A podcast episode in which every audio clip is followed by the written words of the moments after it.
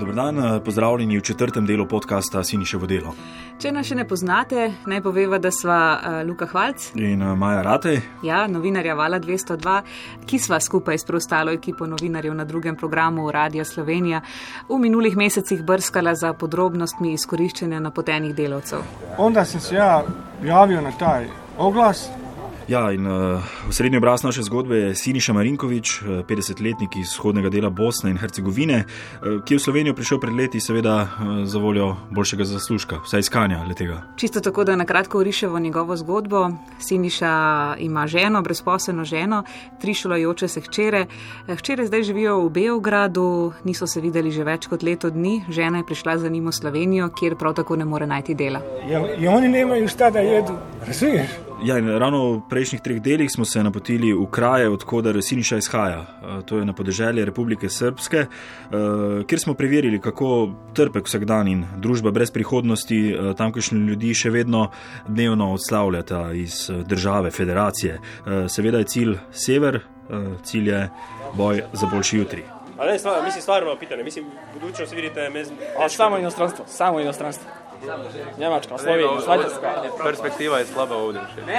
Z njim pa smo bili tudi na drugem koncu Evrope, v Belgiji, eh, kjer je, kot ste slišali v prvem delu, skupil tisto svojo usodno poškodbo s krvtenico, od tedaj pa je na bolniški. Eh, z njim pa smo obiskali tudi nekaj lokacij po Sloveniji, ki so tako ali pa drugače zaznamovali njegovo delo in življenje pri nas. Mm, če samo omeniva nekaj stočnic v zvezi z zadnjim. Eh, več tisoč evrov dolga, eh, dve leti življenja na območju stare cinkarne, uh -huh. pa potem imajo žilčni zlom. In... Pa psihiatrična bolnišnica Vojnik. Ne imamo para, onda sem tad doživel nervni slom. Eh, sem imel 195 pritisk. Prav tam, ne, na dvorišču psihiatrične bolnišnice Vojnik, uh, smo Siniša v tretjem delu uh, tudi zapustili. Uh, čeprav na dnu je bil tedaj nekako spet poln nekega upanja, ne, predvsem ja. po svetu s tem starim psihiatrom. Ne. Takrat se je odločil poiskati novo priložnost, novo zaposlitev, začeti na novo. Ja, novo, novo, vse, vse na novo, ampak ob tem ni vedel, ne, da znova za manj kot ali tisto skalo pred sabo na vzgor proti evropskim sanjam. Ne? Ki pa bo zgrmela zopet na vzdolj. Uh -huh, ja. Oto tudi ime, Siniševo oziroma Sizifovo delo našega podcasta. Siniševo delo, raziskovalna zgodba Vala 202.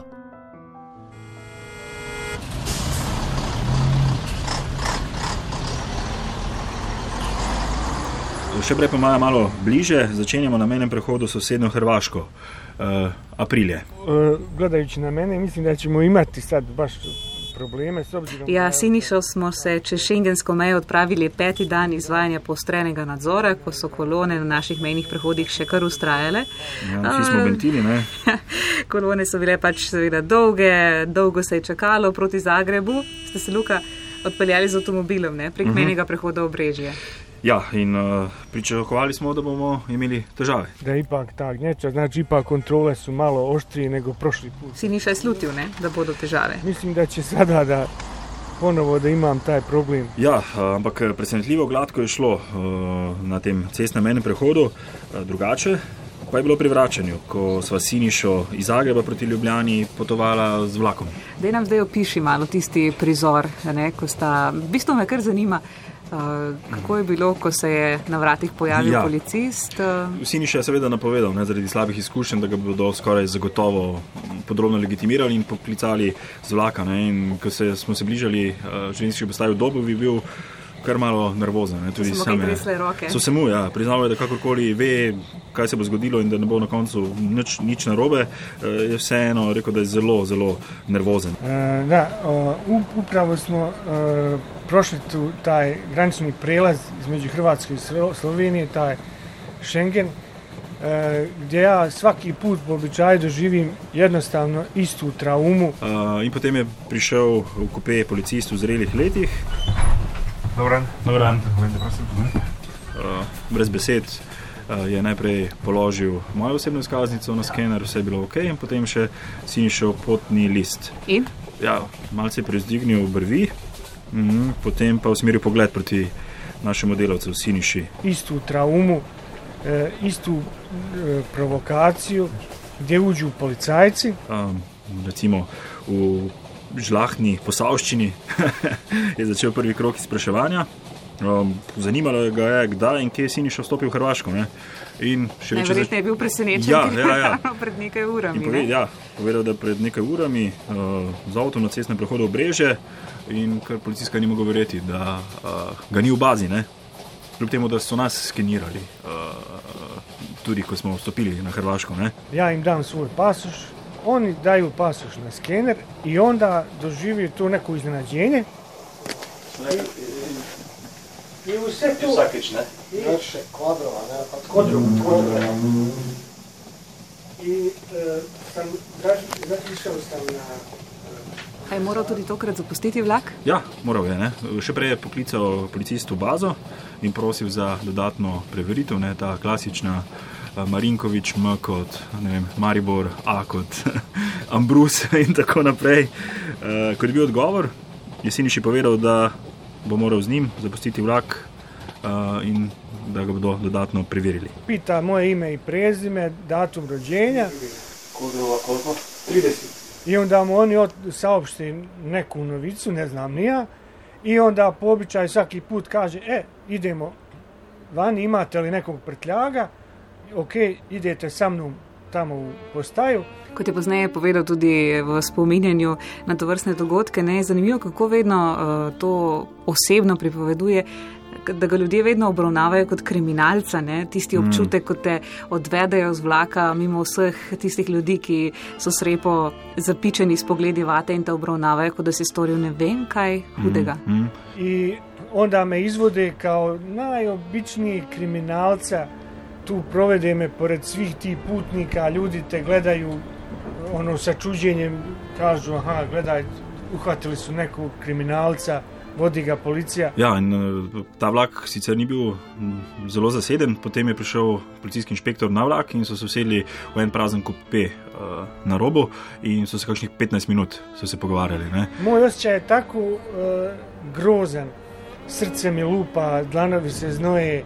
In to vsakeč znova, ista zgodba, des, ne, ne vem, že več kot 15krat oziroma 16krat so ga takole na mejnem prehodu uh, ustavili, preverjali in tako naprej. Ampak zdaj pa podiva Luka k tistemu, kaj je temeljni razlog za to? Zakaj ga vsakeč znova mhm. tako obravnavajo? Problem je v drobnem zaznamku, v njegovem potnem listu oziroma v njegovi, lahko rečemo, spletni eh, evro kartoteki. Ne? Sve je začelo od toga, kad smo mi sa tom filmom Cvetka Pandića iz Ljubljane otišli za Hanover da radim. Eh, gre za dogodek izpred dveh let, eh, ko je Siniša še delal v Nemčiji. Ja, torej je prav, da v nadaljevanju tega eh, podcasta podrobno pojasnimo, kaj se je spomladi in poleti leta 2015 dogajalo v Nemčiji, odkot Siniši zaznamek v evropskih policijskih bazah in zakaj tega ni mogoče umakniti, čeprav, kot zatrjuje Siniša, on in njegovi mhm. kolegi niso kršili nobenega zakona. Česar pa morda ne moremo trditi za tiste, ki so ga tja odpeljali. Znači, mene je firma Ljubljanska iz Ljubljane odvela v Hanover. Mm, prek Zavoda za zaposlovanje ne, je Sinišo in kolege uh, na delo v Hanover uh, poslal, najel uh, Cvetko Pantič s svojim podjetjem. Kao radnika, ja, nemam, ja nisam upućen ni, ni pravne poslove, ko, šta treba, kako treba, ja uopšte ne znam. Ja idem da radim za svoju firmu. Siniša pripoveduje, da se mu je zelo mudilo, da, da bi čim prej začeli delo. V Hanoveru pa sprva sploh niso imeli prenočišča, ne? tako zelo se je cvetko očitno mudilo. Uh, ja, prvo noč so ja. spali kar pri nekem znancu in to na eni vzmetnici, tako. kar se de. Uh mhm. -huh. No, v naslednjih dneh jim je vendarle našel bivališče, če temu lahko rečemo tako. On je, on je nama našel jednu napuštenu kuću. Pripeljal jih je v zanemarjeno kočo na obrobju mesta, v kateri pa je primankovalo postelj. Nekateri stanovalci ne v eni taki hiši, ki je bila v bistvu neka tipična enodružinska hiša, jih je spalo od 15 do 20 moških, nekateri na vzmetnicah, drugi na stiroporu, pa je, naj bi odeje iskali kar na kosovnem odpadu. Ja, Siniša zelo sočno vedno uh, opiše, ne, kako so brskali in našli neke stare vzmetnice. Ne. Mara, više ništa. Nema ni krevete, nema ništa, razumijete? ništa nema. On in ekipa so sicer prišli ne, v Hanover, da bi eh, prenavljali fasade eh, v eni izmed stanovanskih eh, sosedsk in bilo je dve leti nazaj. Ja, kot sva prej rekla, pomlad 2015, mm. na to sta minila mesec, dva in so se začeli zapleti. Borbe smo vodili, da nam uplati čas 500 evra, čas, čas 1000 evra. Nekega poletnega dne sta jih med eh, delom obiskala predstavnika carinske uprave, eh, takoj zatem pa še policija. In mi smo to radili in sad je došla policija. Col, policija, oni zovu ili tako nešto, ne znam, ja. To je sicer v Nemčiji precej pogosto, da pridejo cariniki na neko tako gradbeno območje. Od njega so zahtevali dokumente, ker pa pri sebi razen dokazile o stalnem bivališču v Sloveniji ni imel ničesar. So pa poklicali ukrepitev. Ja, kot da bi uh, zasačili cel kup, ne vem. Dilerjev z drogo. Uh, Siniša pravi, ne, da se je v nekaj minutah nabralo nekaj policijskih avtomobilov, obroženi policisti, uh, prava racija je potekala. Ne.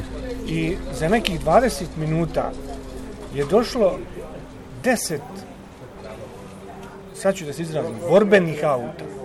Uh, in policisti so zahtevali, da odvržejo orožje, pardon, orodje. Orodje, ja. Sa policajcima koji e, po svojoj konstituciji i opremi sigurno mogu da obezbeđuju Obamu i Putina. E, na to so ga strpali v enega od avtomobilov in ga odpeljali do njegovega stanovanja. Ja, in tam so našli uh, potni list, uh, potem so ga odpeljali naprej na policijo. Uh, ampak kar je zanimivo, ne, uh, z inšpektorjem sta se sporazumela kar s pomočjo orodja Google Translate. Jedini način sporazumijevanja između mene i inspektora u policiji je bio što smo na Google Google Translate smo, uh, ja otkucam šta želim da kažem, pa vi znate kako Google to prevede. In zdaj zopet naslednje vprašanje. Ne? Našli so jih torej na gradbišču, Siniša je nekako pokazal vse ustrezne dokumente o, o stalnem bivanju v Sloveniji, pa potni list in tako naprej, ampak zakaj so ga odpeljali s takšno dramo? Ja, kot smo potem preverili eh, naknadno, je nemška policija ugotovila, ne, da tam dela nezakonito. Eh, takole se je glasil njihov odgovor, ki smo ga pridobili v pomoči slovenskega veleposlaništva v Nemčiji. Omenjeni delavec je imel samo potni list Bosne in Hercegovine, ni pa imel dovoljenja za delo. Zaradi opravljanja dela brez delovnega dovoljenja je Siniša Marinkovic storil kaznivo dejanje nedovoljenega prebivanja v Zvezdni republiki Nemčiji in so ga zaradi tega izročili policiji. Zaradi tega je bil kratkoročno pridržan pri policiji mesta Hanover. Ha, njegov delodajalec, Cvetko Pantič, pa. Ni šanse, ni šanse, da, to, da, to, da greš ti na Bavštel brez prijave stana. To pa to kod njih ni. Ja, dejstvo je, da delovnega dovoljenja Maja torej ni bilo, čeprav nam je delodajalec še vedno zahteval drugače, kaj pa da ne. No, kako mora gospod delati na črno, kad je bil prijavljen pri meni? Aha, ok. Pogodbo ima. Jaz sem imel, kar se tiče vse to urejeno. Mm. Urejeno ali ne? Od junija 2015 je Siniša zaradi tega zapleta upisan v nemški policijski registr. Po ugotovitvi identitete je bil izpuščen na prostost. Oddelek za tujce mesta Hanover je na podlagi ugotovljenega osebi dovolil odhod iz Nemčije. Zaradi neznatnosti kršitve so se odločili, da ne bodo sprožili kazenskega ukrepa. Uradna zaznamba v kriminalnem registru nemške policije za gospoda Marinkoviča je časovno omejena in velja do leta 2020. Zaznamek mu sicer ne prepoveduje vstopa v Nemčijo, mu pa vsakič znova, ne, kot smo slišali mm. že na začetku tega podcasta, otežuje prehod katerekoli meje znotraj Evropske unije. Vsaki put se ustvari desi isto. Eh, s primerom pa se je nekaj časa ukvarjala tudi novinarka Klaudija Gerkov. Ker nismo vedeli, kam naprej, s tem mm. primerom preverili smo pri veleposlaništvu, pri policiji, nekako smo vedno naleteli na trd zid, preko katerega nismo mogli. Uh, smo torej poprašali Klaudijo, kaj je pa ona raziskala. In, uh, v bistvu najprej je odgovorila na tole vprašanje: je policija sploh storila prav?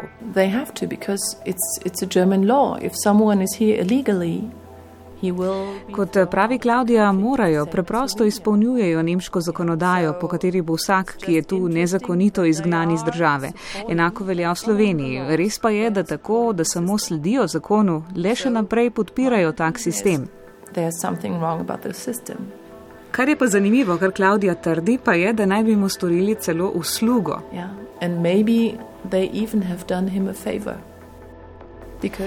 Na tak način je prišel domov cel, je rekla. Na tak način se je to ravnanje delodajalca nad njim prekinilo.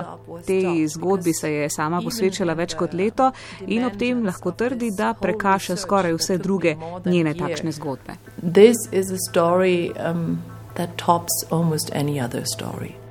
Po Siniševi sledi pa smo se marca odpravili tudi mi, da mu torej sledimo na vsej celotni poti od Balkana do Nemčije. Tako smo se odpeljali do Hanovra, približno tisoč km proti severu. In kolikor vem, eh, je to pomiljonsko mesto, eh, nekako za dve ljubljanje, veliko ne. Eh, kaj ste videli tam, kakšen bi vaš cilj? Ja, te zanima, ne? ali smo našli takšne razmere, o kakršnih je govoril Siniša? Ja, ja, absolutno ne. Mi smo došli v kuću koja je zarasla u v Šiblje, v Mahovinu. Absolutno, ne, kako je bilo na tistem območju, kjer je delal. Ne, opisal je zelo sočno, katastrofalno. Ne. Uh, tudi to me zanima, kako Nemci nadzorujejo svoje gradbišča ne, uh, in če se ljudje sploh obregnejo ob ja. tujo delovno silo. Če jih sme sploh opazijo. Bili gelendakom. Ja. Ja, ja, sowieso, ja. Die haben gar kein Deutsch gesprochen. In najbrž te tudi zanima, ali so res spali v tisti hiši, uh, o kakršni je govoril, porasli z mahom in ja, uh, več od Drakulo. na skupnih vzmetnicah in tako naprej. Ja, o tem pa več prihodnič. Wie fanden Sie diese Bedingungen? Schlimm, also schlimm, ja. To je bil četrti nemško obarvan del podcasta Siniševo delo. Hvala, seveda, ker nas poslušate in nam sledite. Če smo vam všeč, nas priporočite naprej. Eh, vabljeni, da se na Siniševo delo seveda naročite tudi prek iTunes, veseli pa bomo tudi kakšnega vašega odziva prek Twitterja in Facebooka.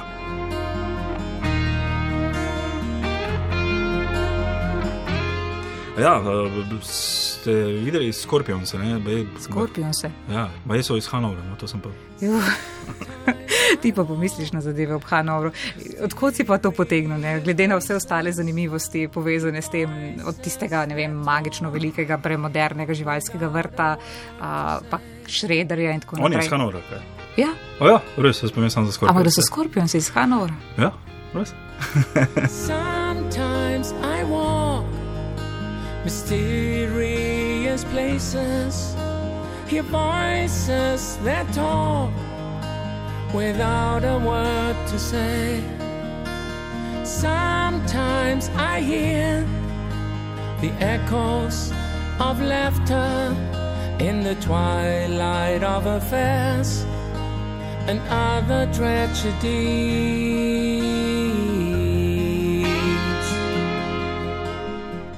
Zgodba Siniševo delo je nastala v podpori programa Reporters in the Field, organizaciji Robert Bosch Stiftung in šole novinarstva v Berlinu. Novinari, raziskovalci in producenti: Luka Hvalc, Maja Ratej, Gašper Andrinek, Anja Hlača Ferjančič, Jan Grilc in Gorast Rečnik. Medijska hiša RTV Slovenija, drugi program Radia Slovenija, Val 202 eternally. Whatever frozen hearts can do, we melt the ice away.